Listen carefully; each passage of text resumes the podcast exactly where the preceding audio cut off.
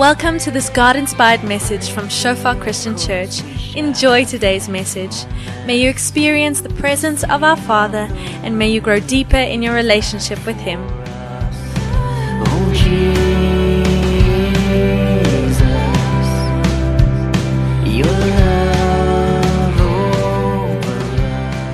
Morning, church. What a privilege it is to be with you this morning. Um, thank you for having us.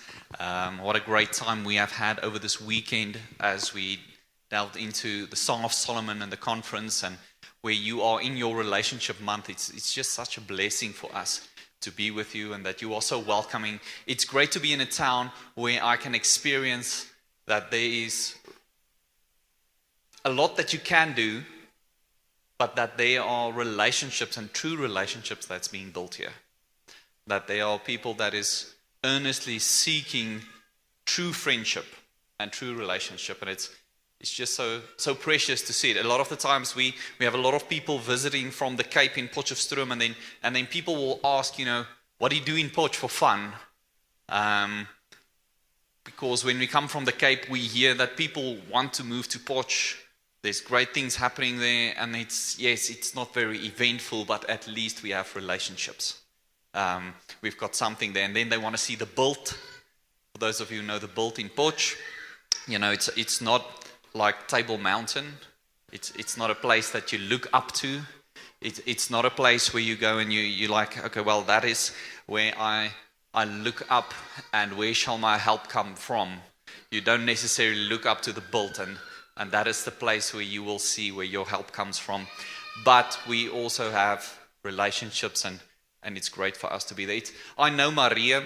Um, we, we met at MTP. Where is Maria? I, I saw him earlier. Um, but it was great. Uh, we know each other for a few years. Uh, him and Stefan and his youngest brother is there with, us, with us as well. Um, and then oh, you've got an amazing pastor, Pastor Brown. I, I, like that name. I think you should have somewhere you should have a sign up that you have the personal best pastor. You know, it's BB, it's Pastor Brown. I, I just thought that's a, it's a great thing that you should should really look into. From Shofar Potch, we want to thank you, um, and I'm here that our leadership specifically uh, says hi. Um, part of us coming here is to serve you as a congregation and to say thank you over many years that you have made our ministry possible. Uh, maybe you don't know that, but you have sowed financially a lot into our ministry, making it possible even for us, for our ministry to happen in a way that it has. And uh, you know, just from our leadership as well, I, I would like to extend a big thank you. And then I would like to say that you are really invited to Potch. Um, if you ever, for some reason, need to pass through the N12 down to the Cape, I don't know why else you would necessarily go to Potch, but you are so welcome. You are welcome to come and visit us. Our house is open and know that you are very welcome. It is going really well with our congregation there. Um, we, I, I um, spent time with 23 people in the last two years, specifically discipling them, and these people are now part of our new leadership we started off with a, with a new structure in Potchefstroom at the beginning of the year, and that is now our leadership team, and we are growing well, and it is, is really going well in Potchefstroom specifically. Short bio, bio on who I am, that you at least know the person standing in front of you. I actually grew up here in Secunda. Um, I was here in grade one. I was in Laerskool Secunda. So, and then we moved to Potchefstroom, uh, sorry, then we moved to Pretoria, and in Pretoria, I was there uh, up to grade five, and then my parents or my mom moved us to Brits. Great place. You know, we were looking up all the perfect places in, in South Africa. So, uh, the best thing that came from Brits is that I met my wife at the age of 10. Um, and that was great. Uh, went right through school. We both went to the PUC to go and study. I went and studied theology. She studied pharmacy. And uh, after I completed my studies, I went to Australia for a short period of time, for seven months, and I assisted planting youth at a church there. And um, after that, I came back and I continued my postgraduate studies in theology. And then I got a job at the Faculty of Theology. And um, so I worked at the faculty for 10 years, uh, spent time there specifically in assisting with uh, online development of online training for lecturers how to train pastors online. And in that time, the Faculty of Theology signed a new contract with the AFM, the AGS Church, and they trained up their pastors when the Faculty of Theology, Faculty of Theology in UJ closed down. And that was my, my aim and my focus for the last seven years when I was there. My wife did a community service at the SANDF uh, in the army, and she's still there. She's now a major in the army. She is the responsible pharmacist there. And uh, so we run ministry in church and in the army, and uh, we've got a, got a great way of doing life specifically in Potch, seeing the, the university family, seeing the church family, seeing the, the army family with the 11 areas or bases that there are in Potchefstroom. And then last year we adopted our daughter. Uh, you can put up the photo there. So that's my wife and I and our daughter Amu. Um, she came to us last year, and uh, her name, her full name is Amu Galang, meaning that she is welcomed, accepted, and appreciated. And uh, it's it's a real precious time for us as a family as we are growing in being parents. We haven't slept for two nights straight through, which is great. Friday night we were up until three in the morning, and last night at half past two she woke up with a fever. And uh, yeah, uh, that's how it is when you're parents. So I, this morning I woke, walked up to somebody and it's like the first question you ask somebody with kids is, How did you sleep? Okay, and then usually that will determine, you know, are, are you with us here or not? Um, you, are you going to really take in what we're saying this morning? Uh, or is this conversation really irrelevant, irrelevant? I'm just standing here because I need to be here and need to keep my eyes open. Um, so I pray that we will have open eyes and hearts this morning. I want to start off this morning and tell you that I am not a sinless pastor. I want to tell you that I'm not perfect, that I make a lot of mistakes, that I am not perfect, and I'm not here sharing the word because I'm perfect. I'm not sharing the word um, out of the fact that I have greater revelation than anybody else. I'm sharing it because I want to be obedient to what God says and what he, His word says. And I, and I really want you to hear it this morning. Um, short testimony, and it, it's part of our of part of the sermon and why I'm sharing this and why we have a heart with coming and presenting the Song of Solomon conference is the fact that my wife and I we started dating at the end of matric only, and we were in a relationship for about five years, and we got married young at the age of 23, and we believed that our marriage or we, our, our dating phase up to marriage was perfect. We even told people, you know, we, we went pure into marriage, which was a big lie um, in the way that maybe pure in the world's perspective, but not specifically, specifically in God's eyes and how He sees marriage and what it looks like. And we were married for four, almost five years, and we joined a small group. And one night we had confession night. And we had to share with one another what's on our hearts, what's going on. And um, that night we started with our confession, and then my wife turned to me and she said that she's been experiencing shame and doubt and a lot of things in her heart for five years into marriage. And that was pulling me as the husband in our marriage and really ringing the bell of what are we doing? What's going on in our relationship. I thought, you know, we, we're doing quite well, you know, going church, to church ever so often, doing things mediocre to better, you know, I would say above average at best. Um, and, and we really thought, you know, that, that this is what marriage is about. If we look at other people, they also struggle in marriage and they have it difficult. So, so maybe this is what God intended for marriage. It's going to be tough. It's like all the sin in the world, and and this is as good as it gets. And Anri, my wife, started sharing the shame and the guilt, and she started to confess the shame. She started to repent of the fact that she needs to get this out. We, we need to tell one another and be honest of where we are. And that night we went almost right through the night repenting, confessing things that we've done before marriage, what we've done in marriage. I started sharing with her with, with my desires and my thoughts and my mind and, and just where things went.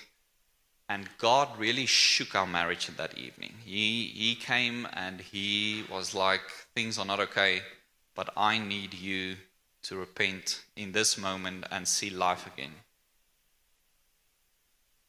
Things really started shifting there. And then we went through a, through a sermon series in COVID, um, and we did the Revelation series. We did the book of Revelation, and, and something really started shifting I would say, with like the second time in our marriage where, where God's like, what is the foundation of your relationship and your faith specifically? And we got a revelation of the slain lamb on the throne.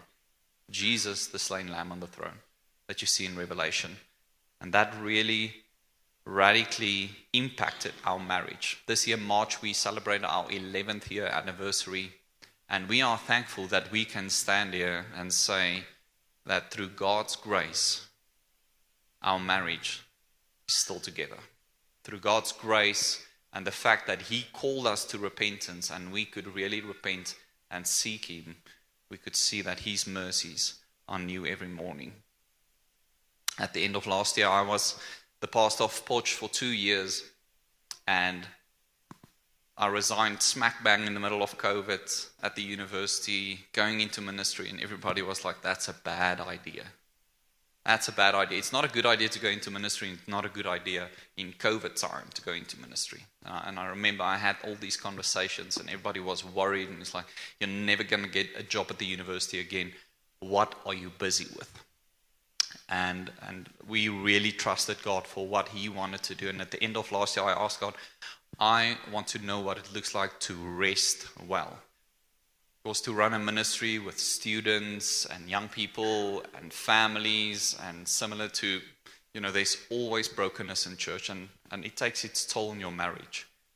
And we asked god what rest looks like. And i started reading a book called um, living like monks uh, praying like monks living like fools from tyler staton and slowly but surely i started receiving revelation from god in how to do prayer life, how to do life, and specifically the importance of marriage, and that our marriage is the image that God uses between Christ and His church.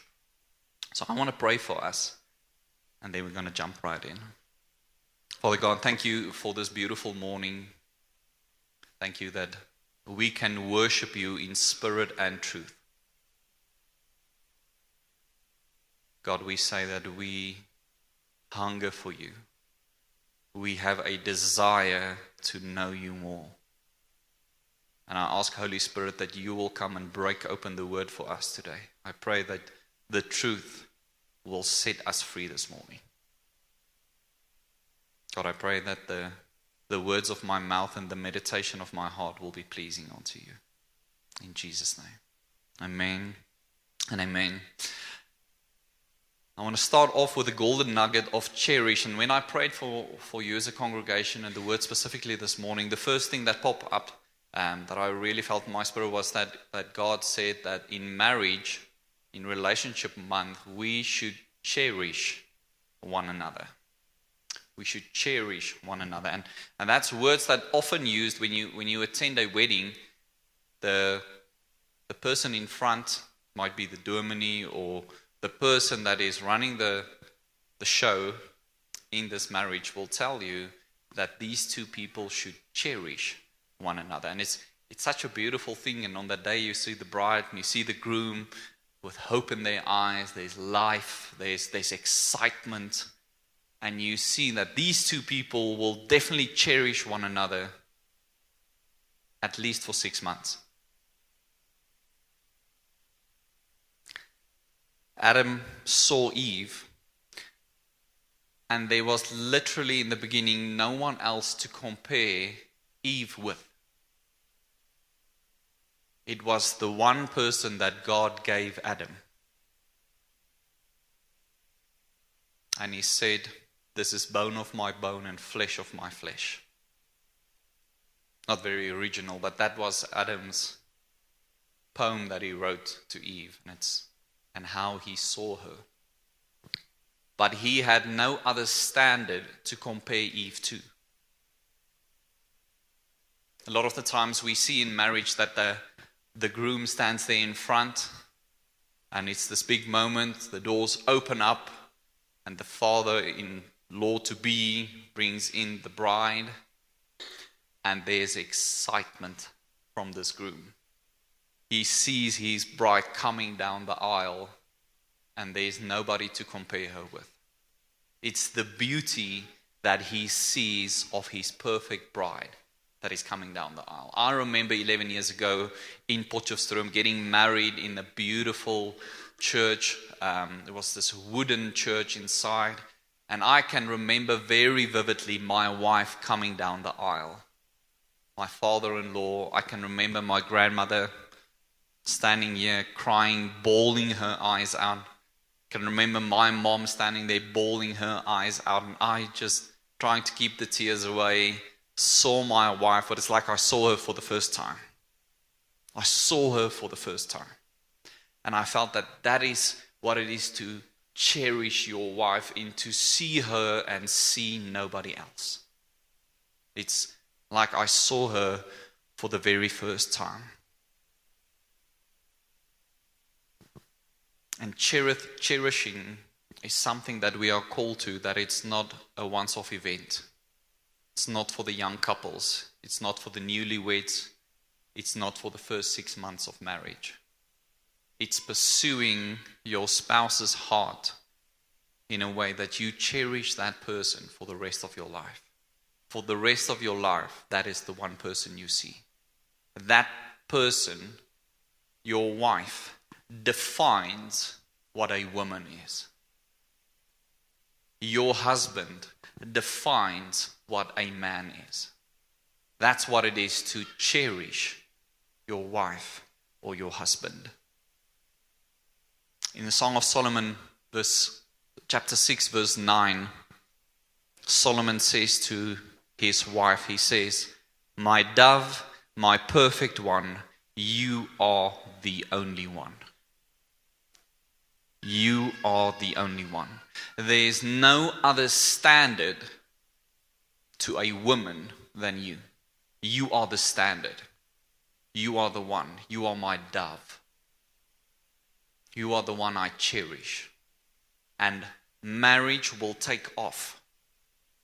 Marriage will flourish when your standard of a wife, your standard of a husband, is your husband or wife. That is the standard. And that is what it is to cherish your husband or your wife. I know that Maria preached on Ephesians 5 um, in your relationship series, focusing on submitting to one another and serving one another. And Paul literally says that the husband should love his wife like Christ loves his church. And Jesus came to serve and lived the ultimate example and was obedient to the point of death. Husbands, we are called to cherish and love our wives like Christ loves the church, to serve our wives like Christ was obedient in servanthood to the point of death. You can open up your Bibles. We're going to dive into scripture. I love the Bible. Um, as as as Vian said, I, I love to spend time on the Word, and, and I hope that you're going to have some patience with me this morning as we're going to read a big portion, portion of Scripture. In 1 Peter 2, you can open up your Bibles or you can read there with me on the screen. Um, we're going to read chapter 2 and chapter 3. So hold on to your seats and um, Let's ask the Holy Spirit to come and minister to our hearts while we are reading this God inspired word for us this morning. So put away all malice and all deceit and hypocrisy and envy and all slander, like newborn infants, long for the pure spiritual milk, that by it you may grow up into salvation. If indeed you have tasted that the Lord is good, as you come to him, a living stone rejected by men, but in the sight of God chosen and precious, you yourselves, like living stones, are being built up as a spiritual house to be a holy priesthood, to offer spiritual sacrifices acceptable to God through Jesus Christ. For it stands in Scripture Behold, I am laying in Zion a stone, a cornerstone chosen and precious, and whoever believes in him will not be put to shame. So the honor is for you who believe, but for those who do not believe, the stone that the builders rejected has become the cornerstone, and a stone of stumbling and a rock of offense. They stumble because they disobey the word as they were destined to do. This is a prophecy that Peter is taking out of Isaiah of Jesus being the cornerstone. And that this cornerstone is there for us to accept or reject. And those who reject the cornerstone, Jesus Christ, will bump themselves against this rock. Jesus the Christ, the Messiah. Verse 9 But you are a chosen race, a royal priesthood, a holy nation, a people for his own possession, that you may proclaim the excellencies of him who called you out of darkness into his marvelous light. Once you were not a people, but now you are God's people. Once you had not received mercy, but now you have received mercy. Beloved, I urge you as sojourners and exiles to abstain from the passions of the flesh, which wage war against your soul. Keep your conduct among the Gentiles honorable, so that when they speak against you as evildoers, they may see your good deeds and glorify God on the day of visitation. Be subject for the Lord's sake to, to every human institution, whether it be to the emperor as supreme or to the governors as sent by him to punish those who do evil and to praise those who do good. How do we measure up being obedient to the police and to the rules of South Africa?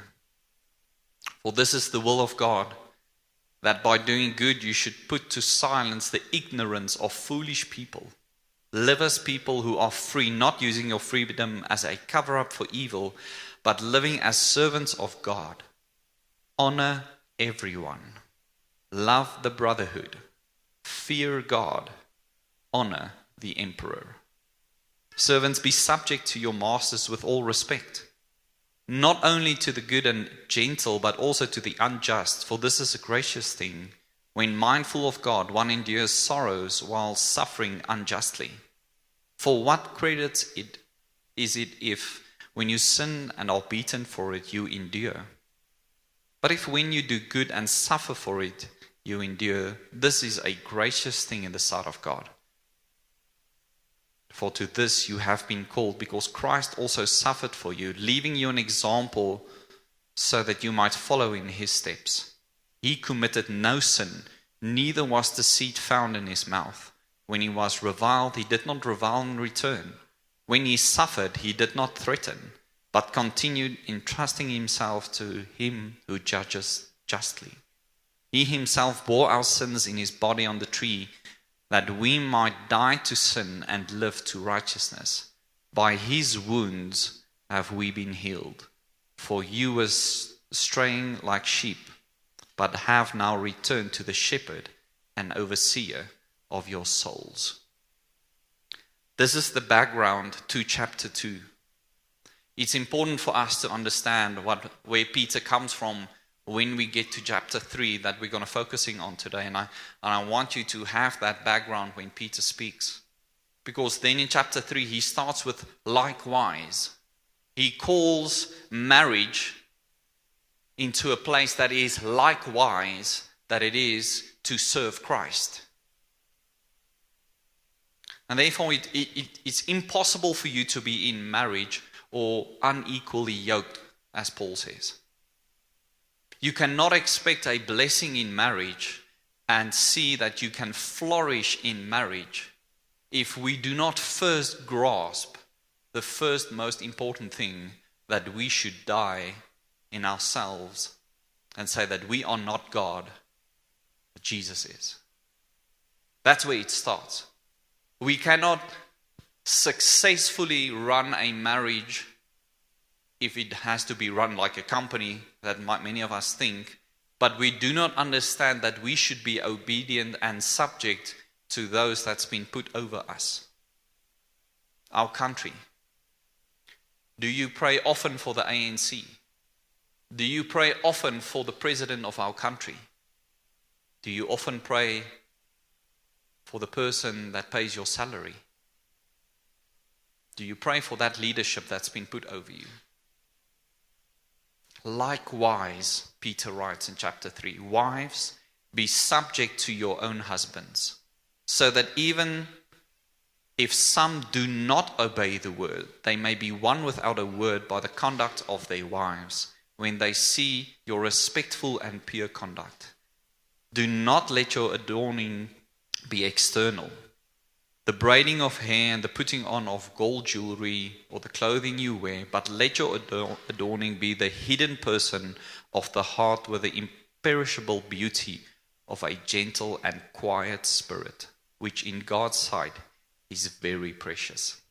For this is how the holy women who hoped in God used to adorn themselves by submitting to their own husbands, as Sarah obeyed Abraham, calling him Lord and you are her children if you do good and do not fear anything that is frightening. Likewise, husbands.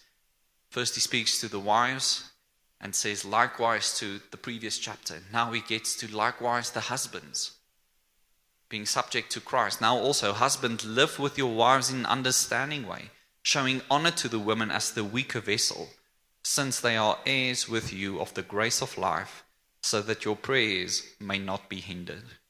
Finally, first to the wives, then the husbands, and then finally everyone. Finally, all of you have unity of mind, sympathy, brotherly love, a tender heart, and a humble mind. Do not repay evil for evil or reviling for reviling, but on the contrary, bless. For to this you were called, that you may obtain a blessing. For whoever desires to love life and see good days. Let him pay his tongue from evil. Eh, sorry, let him keep his tongue from evil and his lips from speaking deceit. Let him turn away from evil and do good. Let him seek peace and pursue it. For the eyes of the Lord are on the righteous, and his ears are open to their prayers. But the face of the Lord is against those who do evil. Now, who is there to harm you if you are zealous for what is good? But even if you should suffer for righteousness' sake, you will be blessed. Have no fear of them, nor be troubled, but in your hearts honor Christ, the Lord as holy, always being prepared to make a defense to anyone who asks you for a reason for the hope that is in you. Yet do it with gentleness and respect, having a good conscience, so that when you are slandered, those who revile your good behavior in Christ may be put to shame. For it is better to suffer for doing good, if that should be God's will, than for doing evil. For Christ also suffered once for sin, the righteous for the unrighteous, that he might bring us to God, being put to death in the flesh, but made alive in the spirit, in which we went and proclaimed to the spirits in prison, because they formerly did not obey, when God's patience waited in the days of Noah, while the ark was being prepared, in which a few, that is, eight persons, were brought safely through the water. Baptism which corresponds to this, now saves you, not as a removal of dirt from the body, but as an appeal to God for a good conscience. Through the resurrection of Jesus Christ, who has gone into heaven and is at the right hand of God, which with angels, authorities, and powers, having been subjected to him. If you have not spent time in the Word of God this week, you're welcome. This passage is so rich, and I want to encourage you to go and read this, these two chapters again. I want you to, to earnestly seek God in His Word and ask Him, what does it look like to truly follow Him in your life, in your marriage, and what He has called us to? I want us to focus on two verses out of this passage the focus is on 1 Peter 3, verse 7 and 8. Likewise, husbands, live with your wife in an understanding way, showing honor to the woman as the weaker vessel, since they are heirs with you of the grace of life, so that your prayers may not be hindered. We touched on this verse swiftly um, over the weekend in the conference of Song of Solomon. And we touched that the heart of marriage and the fact that marriages often fail and where people miss it is because of the tenderness of hearts. It's because of the tenderness of hearts. Peter writes and he says, showing honor to the woman as the weaker vessel. Not very popular in our culture to talk about the woman as the weaker vessel. It's, it's great to, to have a better understanding of what it means. It almost sounds misogynistic. Because people want to say, you know, but, but women are just as strong as men. Some women are even stronger physically than men. I would argue that women are emotionally stronger than a lot of men. And I know in our congregation specifically that a lot of the women are spiritually more mature than men. And that we struggle when we go through marriage prep with couples that the husband has a far way to go to really lead his wife because she is spiritual mature and he is not. It's one of our great concerns. And I want to unpack this quickly the meaning of a weaker vessel and where this points to. The point that women should be honored for being like this weaker vessel is like porcelain. The woman is like porcelain, and Peter tells the men that they should love their wives and honor their wives like porcelain. Something that is so precious, something that is so tender.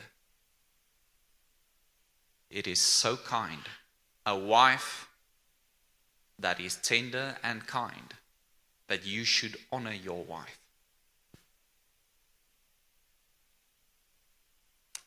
I should honor her that God did not make a mistake when He created her. I should honor her and speak to her in a very specific way that honors God. Why? Peter writes, since they are heirs with you of the grace of life. Do you understand, as the husband, that your wife is part of the grace of God in your life? Do you see your wife that she is part of God's grace in your life? Do you conclude that when you look at your wife, that you see her as a gift, soft, tender hearted, directly from God? The importance that we should handle as men our wives like porcelain, like the weaker vessel, the kind hearted, soft spoken person that she is. One of the biggest revelations of marriage last year was the next part so that your prayers may not be hindered. Do you hear it this morning? This is a God inspired word from Peter that he wrote in the Word of God that he says, For men that do not honor their wives like porcelain, God will close his ears to your prayers.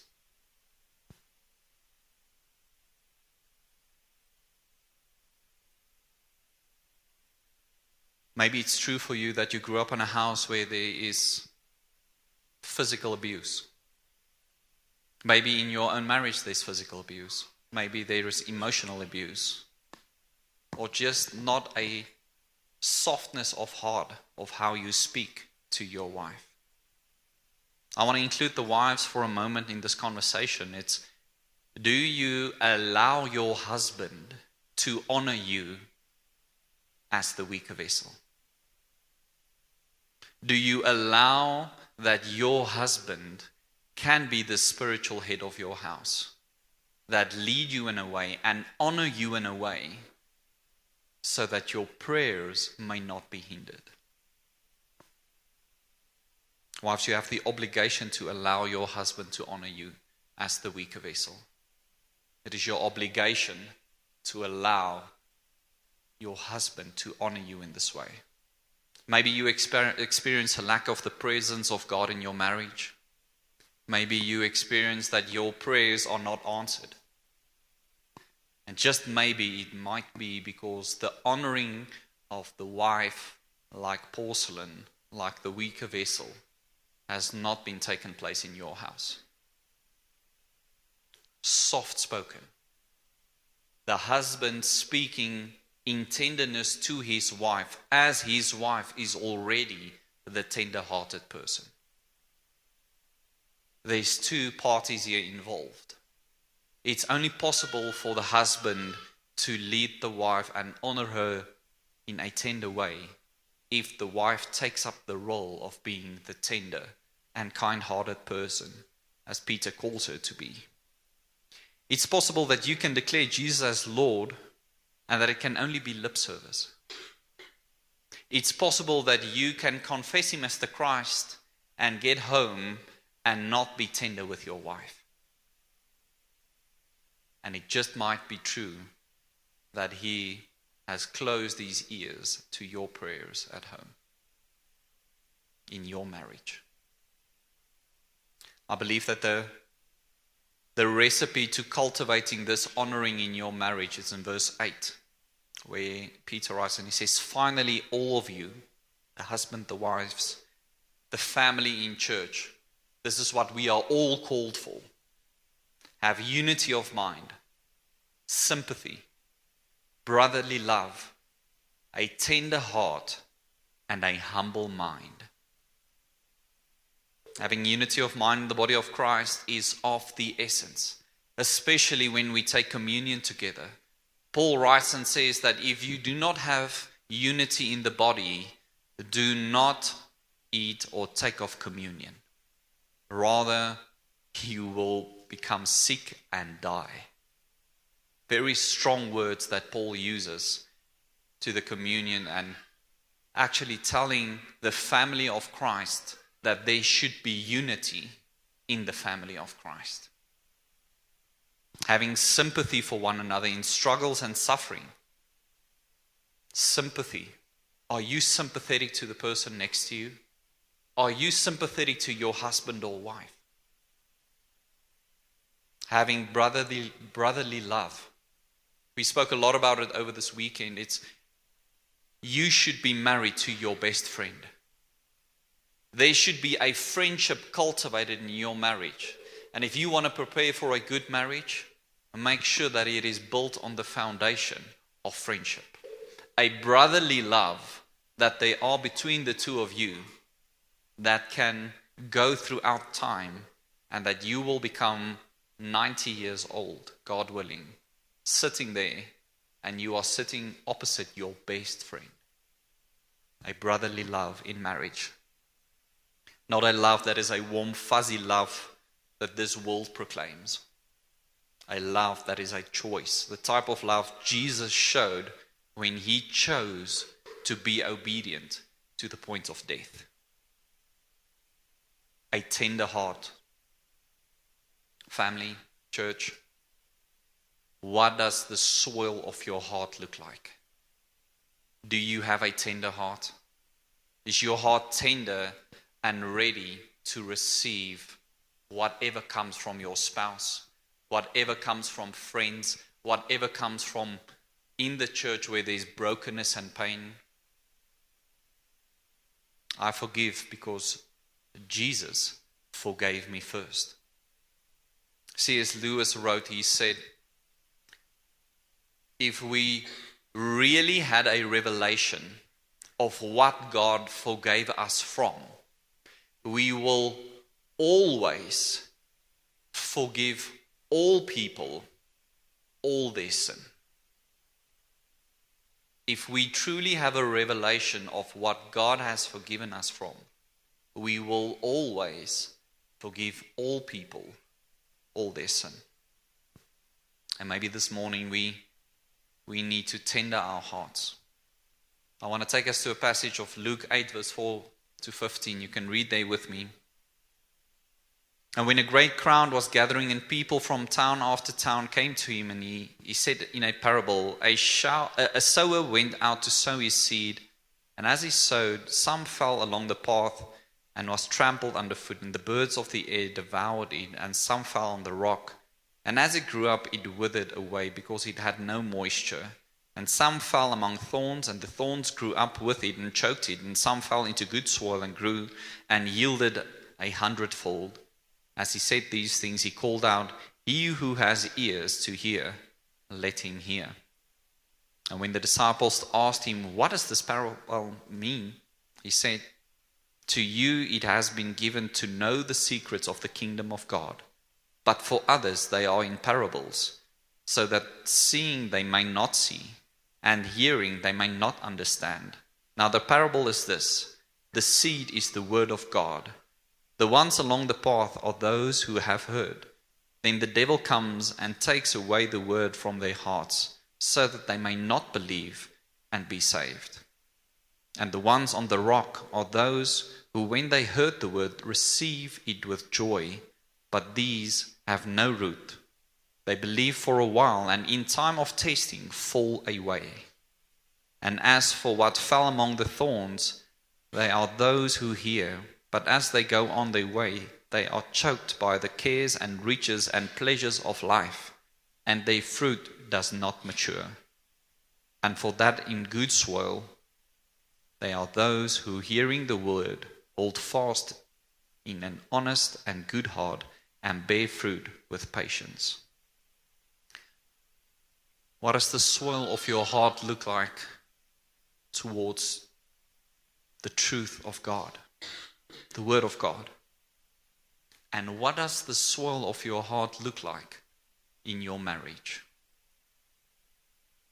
And if you are not married yet, these are the characteristics, characteristics you want to look out for in a person that you want to marry.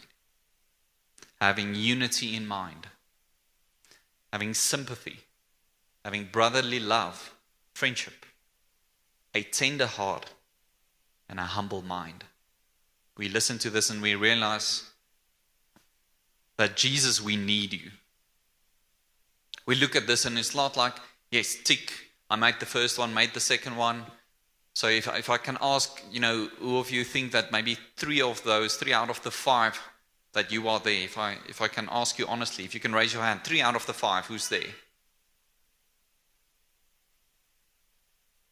Not even, okay, let's try two.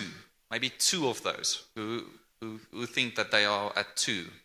Okay, there's, there's some people here. We look at this, and this is the requirement. I shared regarding cherishing your wife and your husband. If we aim for cherishing, but we don't have tender hearts, it will not last. If we aim to cherish, but we do not have tender hearts, it will not last. You and I need Jesus. Jesus is not a magic word. Jesus is not a genie. Jesus is the Son of God was obedient to the point of death on the cross for those of us who put our faith in Him completely, surrender to Him and His authority, put His authority and His life above ours, that we may be saved. And then He tells us what to do. So, my question is what now? It's, it's good to know truth. But do you know what? That the devil will know more of the word of God than you will ever know. And it will not get him into heaven. We can't simply be hearers of the word. May we be doers of the word. I think there's two things that we can end off confession and repentance. And sometimes we are deceived about repentance. Repentance, we think, is saying sorry. It's not. Confession is where we start. confessing our sins to one another. Repentance, literally the word metanoia, means to walk in a direction, and repentance is to turn around and to walk in the other direction. Confession is God, I hear your word and I'm convicted by your truth. Okay? Forgive me. I walk up to the person that I sinned against. Forgive me. That is confession. Repentance is turning around and not doing it again. Repentance is a, and confession should be a daily activity. Every morning I get up and I confess my sin again. And every day I repent again and I turn around. It's if Christ is in that direction and sin in our lives is in this direction, every morning I wake up and I'm halfway here, not really knowing where I am. And I need to choose again that I want to submit my life and follow Jesus. I need to repent again and pursue Him again every day. That is repentance. Repentance is not something that happens once off, it's a continual repentance. I want us to take a minute, right there where we are, just to close our eyes.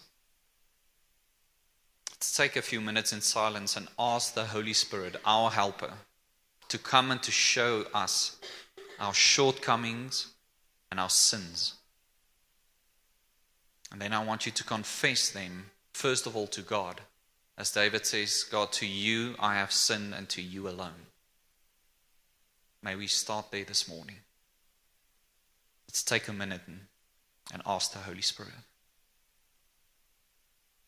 If you are sitting here this morning and the Holy Spirit is showing you something that you have done against your spouse, I want you just to take 30 seconds and turn to them and start with confession and saying that I am sorry. Please forgive me for this. Let's take a moment and do that. The single biggest thing that will change this world is when marriages are restored by God. The single biggest thing that will keep the enemy out of the church is healthy marriages. We need to start confessing and repenting at least weekly, hopefully daily, to our wives and our husbands. And if you are not married yet, start off your confession and repentance to God every day and learn a heart that is tender, where you are open to receive the truth of who He is and that you are not God. You are not perfect. The best times in our marriage is when my wife wakes me up 11 o'clock at night and she's like, Right, we've got work to do. We're going to have a conversation now. And then we've got a confession and repentance session. We've got work to do. We've got things to do in our lives that if we are obedient to Christ to the point of death, it's to actively pursue our marriages. Let me pray for us.